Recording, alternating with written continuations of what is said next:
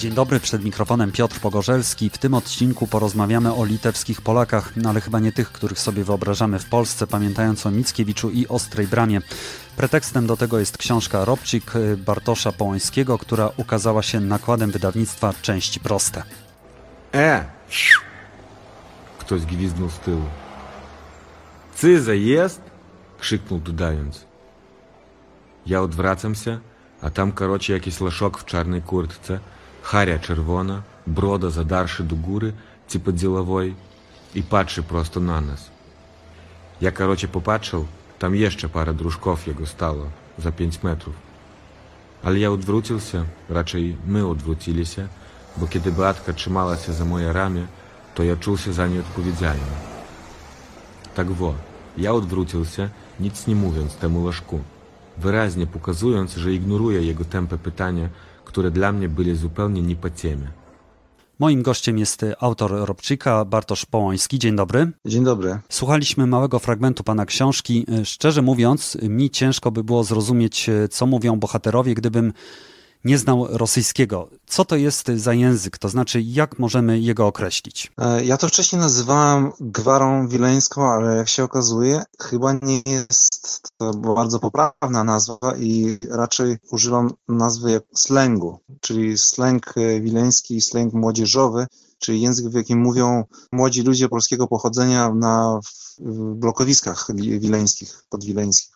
Czyli to jest taki język język, który się utworzył naturalnie, który się jakby powstał prawdopodobnie z mediów rosyjskich, litewskich, e, amerykańskich, z różnych mediów. Język ten się stworzył i, i tak ludzie tak naprawdę między sobą rozmawiają. Ten język jest bardzo ciekawy i postanowiłem jakby ten język postawić na pediestale literackim i, i przedstawić ten język jako język literacki, powiedzmy tak. A czy to jest język, w którym się pan wychował? I tak i nie, bo ja się wychowywałem w różnych językach, bo w domu u nas się rozmawiało właśnie takim polskim, wileńskim, takim w miarę poprawnym, ale to nie był to taki polski, który się, którego się używało w, na przykład e, jadąc do, w gości gdzieś tam do Warszawy czy do Gdańska, bo tam się trudno im było czasami nas zrozumieć, bo mieliśmy tak jakby i wydźwięk inny troszeczkę i inne słownictwo, ale na przykład w szkole to też inaczej się rozmawiało z, z kolegami z klasy, a jeszcze inaczej się rozmawiało na przykład na wsi, tam gdzie Polacy mieszkają.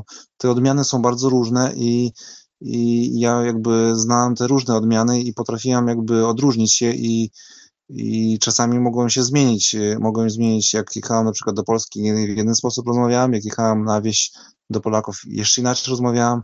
W szkole się z nauczycielami jeszcze inaczej rozmawia, a, a z uczniami na przerwach jeszcze inaczej się rozmawia. Czyli to są różne zupełnie odmiany i, i chciałem właśnie pokazać tą właśnie różnorodność tych języków i to się w książce też czasami można zauważyć, że na przykład jak uczniowie rozmawiają z nauczycielami, to nie mówią w jeden sposób. Kiedy rozmawiają tam gdzieś tam w ubikacji między sobą, to jeszcze inaczej rozmawiają. Jakby i ten język jest właśnie tam pokazany i jego, jego różnorodność jest tam przedstawiona w tej książce. Bo rozumiem, że teraz pan ze mną rozmawiając y, wybiera ten język polski taki no, oficjalnie stosowany w Polsce, tak? Ten poprawny. E, w zasadzie tak. tak. Na co dzień też się pan nim posługuje? To też zależy z kim rozmawiam. Na przykład jak, jak rozmawiam z, ze starymi kolegami z klasy, to nie, ja nie rozmawiam takim językiem jak z panem rozmawiam ale jak rozmawiam na przykład z jakimi, na jakichś spotkaniach takich bardziej oficjalnych, to właśnie mówię takim językiem, jak z panem mówię. Czyli to jakby wszystko zależy od kontekstu, w którym jestem. Tam rzeczywiście w tej książce y, rodzice mówią takim, no powiedzmy, bardziej poprawnym y, polskim z mniejszymi wpływami języka rosyjskiego. Czy my możemy wyciągnąć z tego wniosek, że młodzież już nie tak kontroluje ten język, w jakim mówi? To znaczy, ten język jest taki bardziej plastyczny, bardziej swobodny, a rodzice jednak mają ten język taki, no powiedzmy, bardziej zbliżony do literackiego polskiego. To też zależy o, o jakich rodzicach pan mówi, bo, bo tam są też, bo to jest historia o różnych nastolatkach i tam na przykład różne są rodziny, na przykład rodzina harcerki Justyny w tej rodzinie dość mocno, poprawnie się mówi po polsku. Tak, to prawda, to rzeczywiście, przepraszam, mam na myśli narratora i Robczyka. No tak, u Robczyka na przykład gorzej mówią po polsku rodzice, oni są, nie wiem, może inaczej się wychowywali pewnie.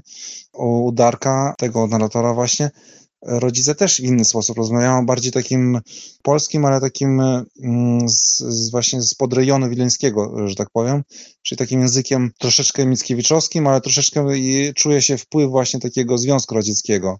czyli starają się jakby mówić po polsku, ale też czuje się w nich takie właśnie jakieś e, pozostałości właśnie takie sowieckie.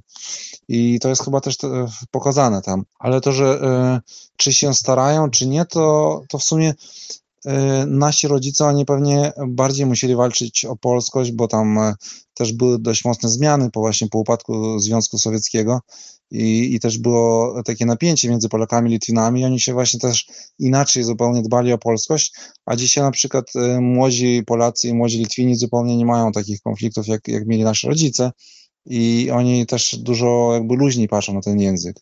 Więc jakby to, to, to wszystko jest bardzo też zależne od kontekstów społecznych, dużo się bardzo mocno zależy i też od czasu, w jakim się mieszkało, bo dzisiaj, dzisiaj na Litwie jest dość europejsko yy, i więc jakby dość luźno jest i i może możliwe, że y, młodzi ludzie mniej się starają, ale jakby nie widzą w tym jakiegoś większego problemu. A czy to, jak wygląda ten język, wynika z, ze sposobu, czy też z tego, jaką kulturę e, ci młodzi ludzie konsumują. Czy to jest też efekt dużego wpływu rosyjskiej kultury? E, na pewno. Dużo, duży jest wpływ rosyjskich mediów, bo właśnie do wojny to rosyjskie media dość, dość popularne były tutaj, ale właśnie jak się wojna zaczęła, to e, Litwini zaczęli blokować te właśnie kanały propagandowe, ale oczywiście na YouTubie wszystko jest, można i ludzie młodzi słuchają rosyjskiej muzyki i ona jest im dość bliska, bo to jest słowiańska muzyka.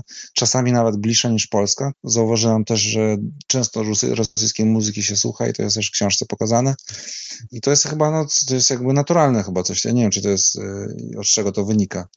No, myślę, że wynika też od tego, że Polacy, którzy mieszkali od dawna tutaj na Wileńszczyźnie, oni też jakby zostali, dostali pewnie też wpływu y, z tego właśnie Związku Radzieckiego, który był dość tutaj mocno zakorzeniony na Litwie ale po 90 latach to się zaczęło zmieniać, chociaż trudno było wykorzenić ten język, to pozostało. To, to, właśnie te pozostałości można zobaczyć w tej książce. Może to też wynika z tego, że ta kultura y, rosyjska, czy też rosyjskojęzyczna, ona jest y, łatwiej dostępna, to znaczy na przykład liczba portali y, rosyjskojęzycznych z filmami zachodnimi, portali pirackich, no jest dość duża i w ten sposób właściwie jest najłatwiej konsumować tego rodzaju właśnie produkty nawet z zachodu, ale właśnie z rosyjską ścieżką dźwiękową. To możliwe, że też nielegalne, nielegalne też e, media wpływały, ale myślę, że też te, te legalne, oficjalne media, które dość mocno tutaj e, pracowały właśnie przy tym, żeby propaganda zawsze była, jakby trafiała do, do słuchaczy, do, do odbiorców,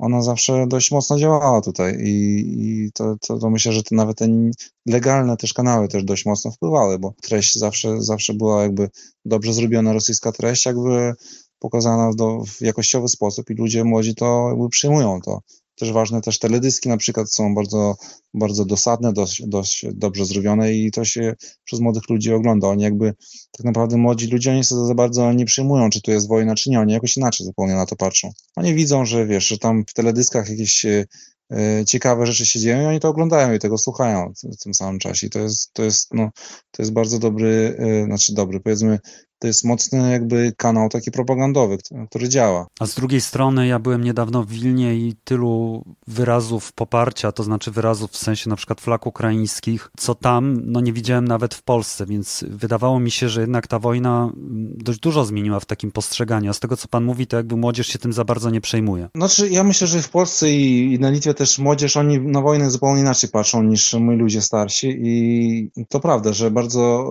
e, Litwa bardzo mocno podtrzymywała Ukrainę, bo Litwa od lat 90. jakby nie lubi y, y, Rosji, bo no, ona wyrządziła dużą szkodę właśnie. Związek, Związek Radziecki bardzo e, wprowadził mocną stagnację dla Litwy, bo inaczej gdyby nie było właśnie Związku Radzieckiego, to by Litwa była już na poziomie skandynawskim już dzisiaj, a e, z powodu tego właśnie Związku Radzieckiego Litwa musi się jakby teraz budować, e, już, już ponad 30 lat się buduje i tak po troszeczku się zbliża właśnie do tych jakości takiej skandynawskiej, że tak powiem, bo no, Litwinianie są tacy bardziej skandynawcy niż słowiańscy, przyznajmy to kulturalnie, pod względem kultury, i, i oni po troszeczkę w, te, w tę stronę idą. Czyli młodzież jakby nie odczuwa tego, że za językiem rosyjskim, kulturą rosyjską stoi balast Związku Radzieckiego. No ja myślę, że oni tak głęboko po prostu nie patrzą. No, no znaczy, część młodych ludzi oczywiście, oni są bardzo świadomi, oni się jakby podtrzymują e, i Ukrainę i ten właśnie demokratyczny właśnie po, podejście do do społeczne, ale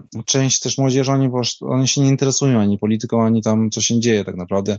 Jak będzie na przykład wojna tutaj na Litwie, to zupełnie inaczej zaczną patrzeć. Jak to Ukraina, to jest troszeczkę dalej, więc oni jakby to, co widzą w mediach, to oni nie zawsze jakby rozumieją, czy to jest właśnie, czy to jest ważne właśnie w ich rzeczywistości, w której oni żyją. Ale to podtrzymywanie litewskie jest dość mocne, więc jakby to też wpływa. No nie wiem, czy to, czy to mocno wpływa, czy nie, ale no wpływ na pewno jest i pozytywny. Po 2014 roku, właściwie no po paru latach już tej wojny trwającej w Zagłębiu Donieckim, po aneksji Krymu, dużo się mówiło o tym, żeby polskie media zastąpiły rosyjskie na Litwie. Czy te polskie media w jakikolwiek sposób są atrakcyjne dla młodzieży, dla właśnie osób typu bohaterów pana książki, dlatego że trochę mi ciężko uwierzyć, że Darek czy Robczyk będą oglądali TVP Wilno czy TVP Polonie. Nie sądzę, że będą oglądali. Właśnie no, TVP Wilno i TVP Polonia to są właśnie y, bardziej zachęcające dla ludzi starszych, prawdopodobnie dla młodszych ludzi, no, no oni są właśnie wychowani na YouTubach, oni są wychowani na takim ostrym kontencie, na grach komputerowych, i ja myślę, że takim e, lekkimi mediami takimi ich nie zainteresujesz, więc e, trudno mi powiedzieć, jakie jest rozwiązanie, ale no, no młodzi ludzie są chyba najtrudniej do nich trafić właśnie takim pozytywnym czymś. Oni jakby lubią takie ostre rzeczy tak naprawdę. I to, to właśnie widać też e, w książce też można zauważyć, to, jakie, jakie media oni tam właśnie konsumują tam. I często to są media rosyjskie. Często te właśnie media rosyjskie, one są takie dość ostre i takie dosadne i, i to, to trafia właśnie do młodych ludzi. Pana bohaterowie spotykają też Polaków, którzy przyjeżdżają do Wilna na wycieczkę. Pana zdaniem, jak daleko jest to Wilno wyobrażone przez Polaków z Polski od tego rzeczywistego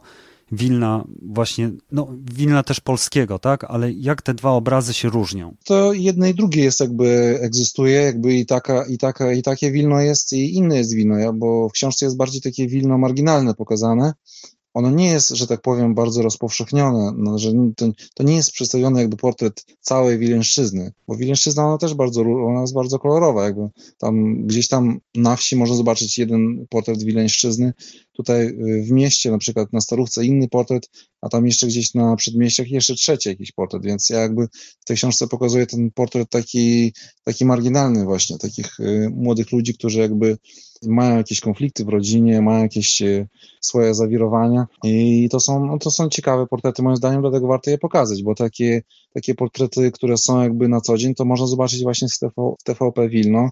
To są portrety właśnie takie pozytywne, że tak powiem, które nie potrzebują jakiegoś tam, jakiejś pomocy, one są ciekawe, ale to, to jest właśnie zupełnie co innego, co ja chciałem pokazać. Chciałem pokazać takie właśnie ciemne strony, że tak powiem, Wileńszczyzny. A to nie jest jakieś takie kontinuum, na którego jednym końcu są właśnie bohaterowie pana książki, a na drugim ta taka wyszlifowana, no powiedzielibyśmy w Polsce trochę cepeliowska wizja Wileńszczyzny.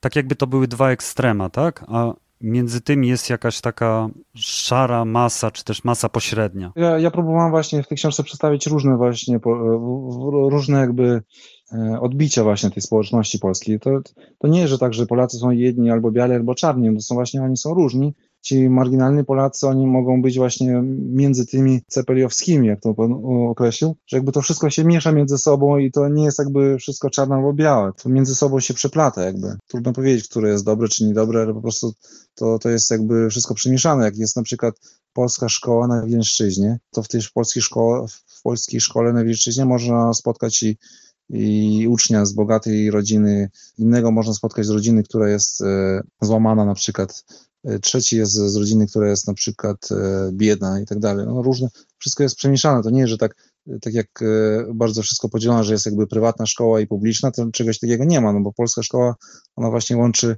ludzi, którzy jakby mówią tym samym językiem, czyli polskim i, i tam różne są właśnie warstwy społeczne.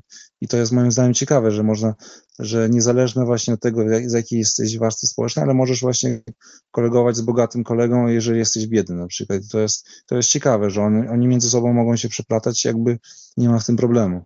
Po prostu ja mam wrażenie, że często, jeżeli my mówimy o Polakach, nie wiem, z Litwy, z Białorusi, z Ukrainy, oni się jawią nam tutaj z Warszawy, czy też z innych miast Polski, jako ludzie, których głównym problemem jest polskość, a te problemy takich zwykłych mieszkańców y, tych krajów gdzieś są na dalszym planie. Właśnie dlatego wydaje mi się, że ta książka jest, jej wartość oprócz języka oczywiście polega także na tym, że właśnie pan to pokazuje, tak, że ci ludzie żyją po prostu normalnym życiem młodych ludzi. Ale niemniej jednak chciałbym zapytać, na ile ta młodzież, y, różna młodzież, jak już ustaliliśmy, łączy swoją przyszłość y, z Polską, czy też bardziej ją łączy z Litwą? No trudno mi powiedzieć. W moje czasy, kiedy, ja, kiedy ja, ja się uczyłem w szkole średniej, to wyjeżdżać na studia do Polski to był wielki prestiż i to było właśnie, wyjeżdżali tylko najlepsi do Polski. Dzisiaj może troszeczkę jest inaczej, aczkolwiek też ludzie jadą do Polski i tam, i tam się zawsze, zawsze się cieszą y, Polacy z Wielczyzny, jak jadą do Polski studiować, bo, bo tam oni jakby, powiedzmy tak, czują się jak w domu, bo zna, znają ten język i też zupełnie tam jest inna kultura, troszeczkę inaczej. Polacy są inni niż Litwini, ale też w dzisiejszy czas y, często też młodzi ludzie wybierają jakieś skandynawskie na przykład studia albo tam gdzieś do Europy, tam nie wiem, do Niemiec jakieś jadą, czy do, teraz może mniej tam do, do Wielkiej Brytanii, wcześniej też było popularne właśnie do Wielkiej Brytanii jechać, do Niemiec czy do Szwecji. No teraz ta Polska jakby też nie jest, nie jest aż taka ważna, jak była kiedyś, moim zdaniem. Troszeczkę inaczej teraz właśnie młodzi ludzie patrzą na... Oni jakby może mniej dbają właśnie o tą polskość, tylko bardziej o to, o jakość nauki jakby. A w tamte czasy właśnie jakby zachowanie polskości oraz jakość nauki było jakby jednakowo ważne i dlatego wyjazd do Polski było zawsze czymś wspaniałym jakby dla, dla młodych ludzi w czasach, że tak powiedzmy, dwutysięcznych, bo też jak w 90. się rozpadł Związek Sowiecki, to właśnie Polacy też mieli taki, ci właśnie Polacy lokalni, oni, oni się konfliktowali z Litwinami oczywiście, każdy tam jakieś swoje propagandy tam oczywiście tam rzucał i dlatego no, wyjazd do Polski był zawsze taki czymś takim bardzo ważnym, jakby ważnym wydarzeniem. Jak ktoś jechało do Polski, to się mówiło właśnie, że, że o ten to się dobrze uczy na przykład, czy, czy tam nie wiem, bardziej się starał o szkole. Dzisiaj troszeczkę może inaczej, ale też, też ludzie jakby wyjeżdżają do Polski, też to jest jakby praktykowane na dzisiejszy dzień. No może dlatego, że Litwa też ma za sobą dość duży postęp gospodarczy, teraz też sytuacja nie jest taka zła, jest porównywalna do Estonii, właściwie na Łotwie jest gorzej, tam sytuacja gospodarcza się trochę pogarsza, ale pan powiedział takie zdanie, że Polacy z Litwy w Polsce się czują jak u siebie w domu, czy tak naprawdę jest do końca, dlatego że ja się spotkałem z dwoma opiniami dotyczącymi na przykład Węgrów z Rumunii, którzy przyjeżdżają na Węgry i są traktowani jako obywatele drugiej kategorii, czy też Rosjan z Kazachstanu, którzy wyjeżdżają do Rosji, licząc, że tam się będą czuli jak w domu, po czym i tak wracają do Kazachstanu, dlatego że tam są lepiej traktowani niż w samej Rosji, czyli teoretycznie w swojej ojczyźnie. Czy tutaj nie zachodzi jakiś podobny proces, że jednak Polak z Litwy w Polsce się czuje trochę niezręcznie? E, ja myślę, że to, że to zależy od człowieka. No,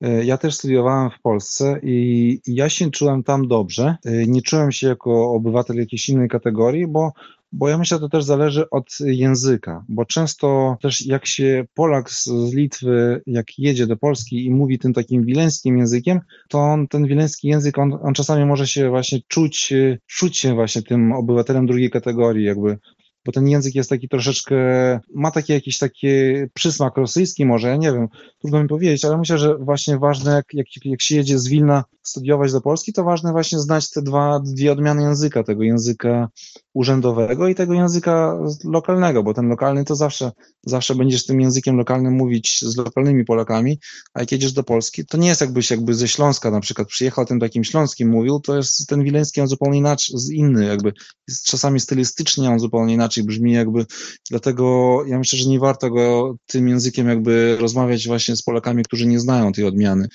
I, i w, w mojej praktyce, znaczy duża część na przykład moich kolegów z klasy, którzy wyjechali do Polski, oni tam zostali sobie, oni tam dobrze się czuli, jakby i zostali.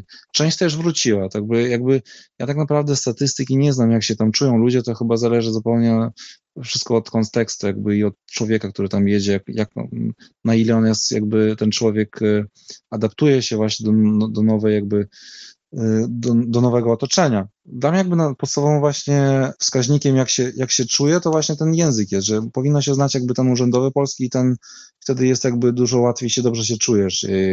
Inna sprawa oczywiście później się jest gospodarcza sprawa, na przykład czy lepiej się czujesz na przykład w Warszawie czy we Wrocławiu, ale jakby najczęściej się dobrze się czuło w Polsce. Pomimo, że jakby Polacy na przykład w Polsce oni zupełnie są inni, inny temperament mają niż Litwini. Litwini są Litwini są bardziej, powiedzmy, tacy skandynawscy, bardziej są zimni, że tak powiedzmy, a Polacy są bardziej tacy słowiańscy, bardzo są ciepli, bardziej, bardziej otwarci są na kontakt, na improwizację jakąś właśnie socjalną taką.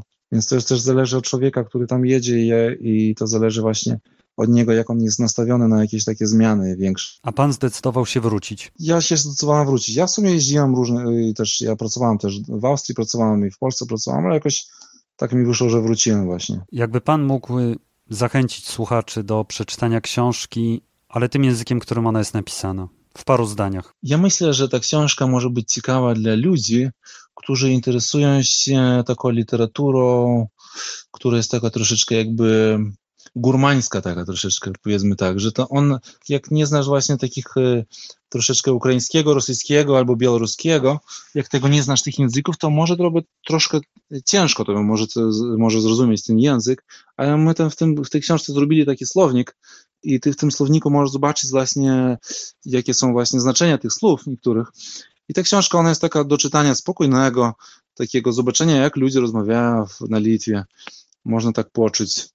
No to jest taka książka, nie jest taka na szybko tak naprawdę. Tak, tak trochę posiedzieć z nią, tak odpocząć. Taka, taka ciekawa książka, ciekawy język taki, zobaczyć jak Polaki na Litwie rozmawiają. Tak вот zapraszam do, do przeczytania lektury tej. A zapraszał prosto z Wilna autor y, Robczyka Bartosz Połoński. Bardzo dziękuję. Dziękuję bardzo i do usłyszenia i do zobaczenia.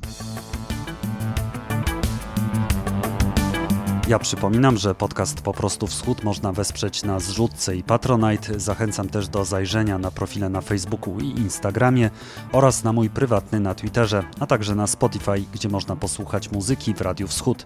Do usłyszenia, żegna się Piotr Pogorzelski.